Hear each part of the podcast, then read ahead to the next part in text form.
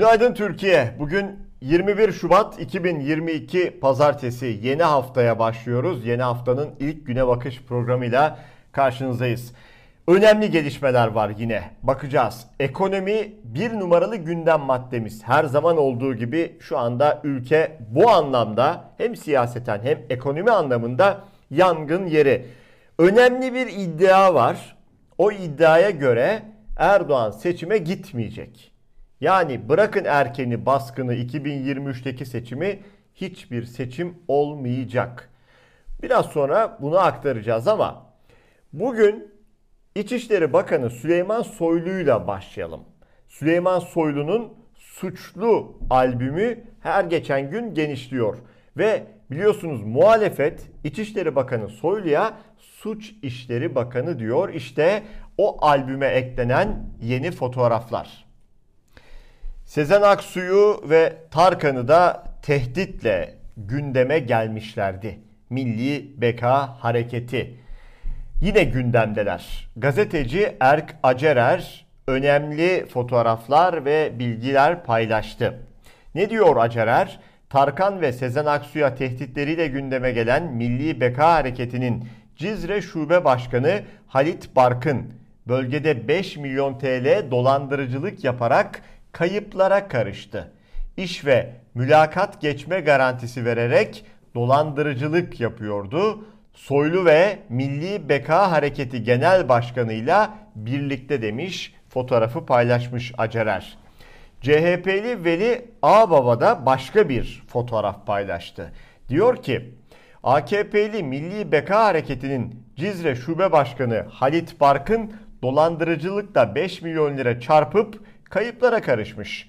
Bir eksiklik var diye düşünürken bu fotoğrafla şimdi her şey yerli yerine oturdu. Albümün kabarıyor soylu diyor. İşte Veli Ağbaba'nın paylaştığı o fotoğrafın büyük hali. Ne var elde? Türk bayrağı var. Onun arkasına saklanıyorlar. Yine o isim bakın Süleyman Soylu'nun makamında yine yan yanalar, yine birlikteler. Süleyman Soylu'nun da yüzünde gülücükler açmış. Normal mi diye de ben sorayım. Siz de kendinize sorun. Bir ülkenin güvenliğinden sorumlu İçişleri Bakanı'nın sürekli farklı alanlarda suçlularla fotoğrafının çıkması normal mi? Ben size bu soruyu bir kere daha tekrar ederek soruyorum. AKP'ye oy verenler de bir kendilerine sorsunlar. Sedat Peker'in onlarca iddiası vardı hakkında Süleyman Soylu ile ilgili. Hepsi bir anlamda halının altına süpürüldü, unutturuldu. Soylu görevinin başında Sedat Peker'i bile unuttuk. O iddialar unutuldu gitti. Sedat Peker'den sonra da aslında bu iddialar gündeme gelmeye devam etti. Çeşitli fotoğraflar çıktı. Uyuşturucu ile ilgili, uyuşturucu kaçakçılığı ile ilgili, mafya ile ilgili birçok ismin daha Süleyman Soylu'yla fotoğrafları ortaya çıktı. Ama dediğimiz gibi Süleyman Soylu o koltukta oturmaya devam ediyor. O yüzden de muhalefet Süleyman Soylu'ya İçişleri değil Suç İşleri Bakanı diyor sevgili seyirciler. Şimdi programı açarken bahsettiğim o iddiaya geçelim. Bir seçim olmayacak iddiası önemli. Bu pazar günü Profesör Doktor İbrahim Öztürk'te programımız vardı yine Gerçek Ekonomi. O programda gerçekten çok çarpıcı bir iddiayı ortaya attı Öztürk. Bir erken seçime gitmekten başka çaresi yoktur. Ama erken seçime götürecek bir ortamı oluşturma ihtimali de artık kalmamıştır. Buradan çıkan bir sonuç vardır. Türkiye seçime gitmeyecektir. Türkiye'nin bir sene boyunca ekonomisini düze çıkartma, verileri güzelleştirme ihtimali yüzde sıfırdır. 2023 yılındaki Haziran ayındaki normal seçimlere giderken Türkiye alev alev ekonomik bir krizin içinde yanıyor olacaktır. Bunun anlamı şudur, Erdoğan bir seçime gitmeyecektir. Erdoğan uluslararası dengeleri takip etmektedir. Bölgesi çok kırılgandır. Erdoğan'ın bir seçime gitmesi durumunda yedi ceddiyle tarihin çöplüğüne ağır bir hesap vererek gideceği açık olduğundan Erdoğan için ölümlerden ölüm beğenme senaryolarından başka hiçbir çıkış yolu kalmadığından Erdoğan maalesef Türkiye'yi ateşe atmak üzere bölgesinde bir işgal hareketine, bir kapışmaya, bir e, bir olağanüstü hal uygulamasına gitmek e, suretiyle benim kanaatime göre Türkiye'nin seçimleri olmayacaktır. Ama Türkiye'yi şey seçime götürecek hocam. bir muhalefet duruşu Erdoğan'a bundan başka çıkış yolun yoktur. Bunu yapmaya mecbursun dedirtecek bir halkın iradesini, enerjisini açığa çıkartacak, meydanlara taşıyacak bir muhalefet enerjisi görmemekteyiz maalesef. Elbette bu Profesör Öztürk'ün iddiası. Bekleyip görmekten başka da yapacak bir iş yok, elden gelen bir durum yok en azından şu anda. Fakat muhalefet ne yapabilir? Muhalefet elinden geldiğince iktidarı bir erken seçime zorlayabilir. Halkın elbette ki desteğiyle. Evet ekonomik tablo karanlık demişken biz herhalde böyle konuşuyoruz. Herhalde biz böyle anlatıyoruz. Çünkü Erdoğan'a göre ekonomi uçuyor. Türkiye ekonomide tarihinin en güçlü dönemine girmektedir diyor. Hangi alanda, hangi verilerle enflasyon 3 haneye ulaşmışken, Türk lirası tarihinin en değersiz dönemine girmişken, dünyadaki itibarı ülkenin sıfırlanmışken, Erdoğan nereden bahsediyor, hangi ülkeden bahsediyor anlamak mümkün değil. Ve bakın gazeteci Memduh Bayraktar iki veriyle aslında Erdoğan'ın bütün bu sözünü çürütüyor. Önce Erdoğan'ın sözünü paylaşmış. Türkiye ekonomide tarihinin en güçlü dönemine girmektedir. Sonra da somut veri paylaşmış. Yıl 2012. Kişi başına düşen milli gelir 12.594 dolar. Türkiye'de elbette. Yıl 2022 10 yıl geçmiş üzerinden kişi başına düşen milli gelir 8000 doların altında. Gelin de inanın diyor Memduh Bayraktaroğlu. Şimdi Erdoğan'a göre Türkiye ekonomide tarihi çağını yaşıyor ve her şey yolunda. Öyle mi? Biraz altını doldurarak bu programda devam edelim. Bakın neredeyse ülkede borçlu olmayan kalmamış. Bankaya borcunu ödeyemediği için yasal takibe düşen kişi sayısı geçen yıl 1.7 milyon arttı ve toplam rakam 4.1 milyon kişiye ulaştı.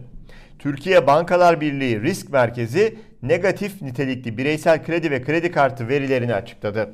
Türkiye'de koronavirüs salgınının ilk dalgası sırasında yaklaşık 2 milyon kişi ilk defa kredi kullandı.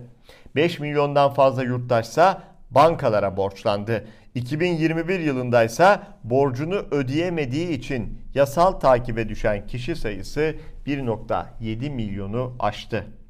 Evet milyonlarca borçlunun olduğu ve borçlu sayısının her geçen gün arttığı bir ülkede ekonomide her şey yolunda gidiyor demek gerçekten akıl alır gibi değil başka bir seviye sevgili seyirciler. Şimdi örneklerle devam edeceğiz dedik ya Türkiye'de son dönemde bu tablonun ağırlaşmasıyla birlikte hiç görmediğimiz şeylerle tanıştık sevgili seyirciler. Mesela içinde fıstık, ceviz olmayan baklavayla tanıştık. Bu çok şaşırtmıştı bizi çünkü alım gücü o kadar düştü ki insanlar alamaz oldu ki üreticiler yeni ürünler ortaya koymaya başladılar ve bakın artık ekmek nasıl satılıyor. Fırınlarda 1,5 liralık bayat ekmek dönemi.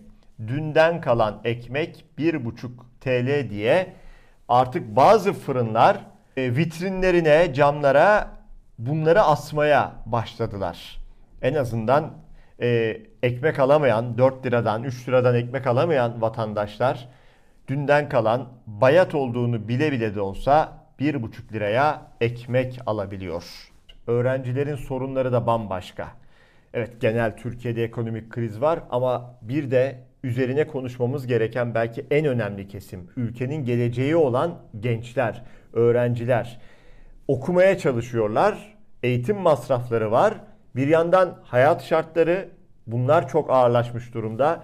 Eğer ailesinden uzaktaysa yurt bulmak zorunda. Yurtta yer yoksa ev tutmak zorunda bir sürü problem sevgili seyirciler. Şimdi bakın bir öğrenci örnek vereceğiz. okuyabilmek için merdiven siliyorum diyor. Bak ben evli değilim. Ben okuyorum. evet, tamam. Ben ok bak şimdi. Bir dakika. Ben tablet aldım. 3,5 milyara ben merdiven silerek 200 milyon merdiven silerek ödüyorum. 3,5 milyona tablet almak. Ben neden Çok aldım ama? Ben Mecbur muydun? Ben mecburdum. Mecbur Mecbur. Eğitim, eğitim görüyorum ben ya. Ben merdiven silerek ben merdiven derse 200 liralık parayı alıp para ödüyorum. Ben mecbur muyum? Değilim. baban var mı? Yok. Anan var mı? Var. Anam benim Anan- çalışamıyor. Anan çalışamıyor ama ananın emekli maaşı var mı? Hayır yok. Babandan kalma maaşı yok, mu? Yok. Bırakın bu işi ya. Ya Allah Dula bile abi, para veriyor bu memleket. güzel Dula şey yetime. yapamazsın. Dula yetime. Anladın mı? Gelmiş orada kuyruk insanlar kuyruğa girmiş ya ekmek için. Çalışmak Çalışacaksın. zorunda mıyım ya? Çalışmak ben şu yaşımda gezmek tozmak varken çalışıyorum ya. Hem ailesine baksın. Ben çalışmak İnsan zorunda değil mıyım? Robot mu bu? Evet. Ben Çalışmadan hayat çalışmak yok. zorunda değilim. Ben eğer bir meslek Sana mu? bana kitap Bana- versin. Bana bak. Sen Bana öğrenciyim kitap diyorsun versin. Tamam bir dakika. Sen öğrenciyim diyorsun değil Evet. mi? Kimsen de yok diyorsun. Param yok. Devlet sana her ay maaş veriyor. Ya Nerede Allah veriyor? rızası için bırak yakıttı. Nankör olmayın. Namkörlük. Asıl siz namkörsünüz. Gerçekten namkörsünüz. Devlet burs Siz görmüyorsunuz. Gerçekten gözünüz o kadar perdeymiş ki. Bir yandan da öğrenci kardeşimiz oradaki AKP'liye dert anlatmaya çalışıyor. Dert. Yaşadıklarını anlatmaya çalışıyor ama maalesef kapı duvar. Deva Partisi lideri Ali Babacan tam da bu noktada önemli şeyler söyledi sevgili seyirciler. F- Eğitimde fırsat eşitsizliği. Türkiye'deki tablo bu ve diyor ki Babacan bu tablo diyor ülkenin asıl beka sorunu diyor. Cumhuriyetimizin hiçbir döneminde maddi durumu iyi olan ailelerin çocuklarıyla maddi durumu zayıf olan ailelerin çocukları arasında fırsat eşitsizliği hiçbir zaman bu kadar büyük olmamıştı. Eskiden her ilin güçlü bir lisesi vardı. Biraz sonraki nesillere gelelim. Anadolu liseleri vardı. Güçlü fen liseleri vardı. Anadolu'nun, Trakya'nın bağrından çıkan yoksul ailelerin çocukları o liselerden iyi eğitim alıp en iyi üniversitelere girerlerdi. Şimdi öyle bir şey kalmadı. Maddi durumu zayıf olan bir ailenin çocuğunun iyi bir liseye, iyi bir üniversiteye girmesi hemen hemen tamamen imkansızlaştı. Yazık değil mi? Üstelik bu ailelerin maddi durumunun zayıflamasının da tek sebebi şu andaki kötü yönetim başka bir şey değil. Şimdi aktaracağımız haberin sonunda söyleyeceğimi başında söyleyeyim sevgili seyirciler. Migros işçileri direndiler ve kazandılar. Güzel haber. Bu çok güzel haber. Ama bu direnişte bir fotoğraf bu direnişe damgasını vurdu. Şu anda ekranlarda görüyorsunuz. Fotoğraftaki Gülabi Aksu. Salı günü evine misafir olmuştum. Çocukları ve eşi hasta. Kızımı hastaneye götürecek yol param bile yok demişti. Migros'un Esenyurt deposundaki 257 mesai arkadaşı gibi çalışma koşullarının iyileştirilmesini istedi. İşten çıkarıldı. Şimdi de gözaltında diyor bu paylaşımı yapan gazeteci meslektaşımız Fatıma Çelik. Ve sevindiren haber pazar gecesi geldi. Önce sanatçı Haluk Levent paylaştı. Umut Sende doğruladı. Migros işçilerinin firmayla uzlaşmaya vardığı açıklandı. Atılan tüm işçiler geri alınacak ve ücret artışı yapılacak. Bu çok güzel ve sevindirici bir haber. Fakat dedim ya o isimlerden, o direnen isimlerden Gülabi Aksu'nun elleri kelepçeli polis aracındaki bu görüntüsü işte bu direnişe damgasını vurdu ve tam anlamıyla o güzel slogan vardır ya direne direne kazanacağız derler kazandılar. Ensar Vakfı yine gündeme geldi sevgili seyirciler. Ensar Vakfı ve türevleri zaten gündemimizden hiç düşmüyorlar. AKP'nin yandaş vakıfları besledik, beslediği, büyüttüğü vakıflar bunlar. Sınırsız imkanlar tanıdığı, sorgusuz sualsiz Türkiye'nin her yerini, arsaları, binaları önlerine serdiği, tahsis ettiği o vakıflar ve bakın o vakıflar ülkeye zarar vermeye devam ediyor. Bir Gün Gazetesi'nin haberinden aktaralım. Denize sıfır talan başlığını kullanmış Bir Gün Gazetesi. İzmir Urla'nın Zeytineli köyünde denize sıfır devlet hava meydanları işletmesine ait sosyal tesis 2014 yılında kamu bütçesinden 5 milyon Türk lirası yatırım yapılarak yenilendi. 2015 yılında ise senelik 120 bin TL'ye Ensar Vakfı'na kiralandı. 2019 yılında ise tesisin Ensar Vakfı'na 49 yıllığına bedelsiz olarak tahsis edildiği ortaya çıktı. Şimdi de vakfa tahsis edilen tesisteki binalar yıkılmaya başlandı. Ensar Vakfı'nın kendilerine tahsis edilen binaları yıkma hakkına sahip olmadığı öğrenilirken bölgedeki yurttaşlar alanın ranta açılmasına tepki göstermiş. Evet son kısım var ya haberdeki cümle. O alanın ranta açılması kısmı. Kilit nokta orası, kilit cümle orası. Yıkıyorlar, önce tahsis ediyorlar, bir şekilde yıkıyorlar, yakıyorlar ve o alanlar hep bir şekilde imara açılıyor. Sonrasında da oralara kimlerin çöktüğünü biliyoruz. Yine yandaşlar sevgili seyirciler. Evet bunları yazan çizen, bunları konuşan gazeteciler, gazeteci meslektaşlarımız Türkiye'de çok zor şartlar altında görevlerini yapmaya çalışıyorlar sevgili seyirciler ve zaman zaman da şiddet içerikli saldırılara maruz kalıyorlar ve ne yazık ki bir gazeteci meslektaşımız hayatını kaybetti. Ses Kocaeli gazetesi sahibi Güngör Arslan ofisinde uğradığı silahlı saldırı sonucu hayatını kaybetti. Tetikçi ne demiş? Seni rahat ettireceğiz dediler diyor. Elbette bir tetikçi her zaman olacak.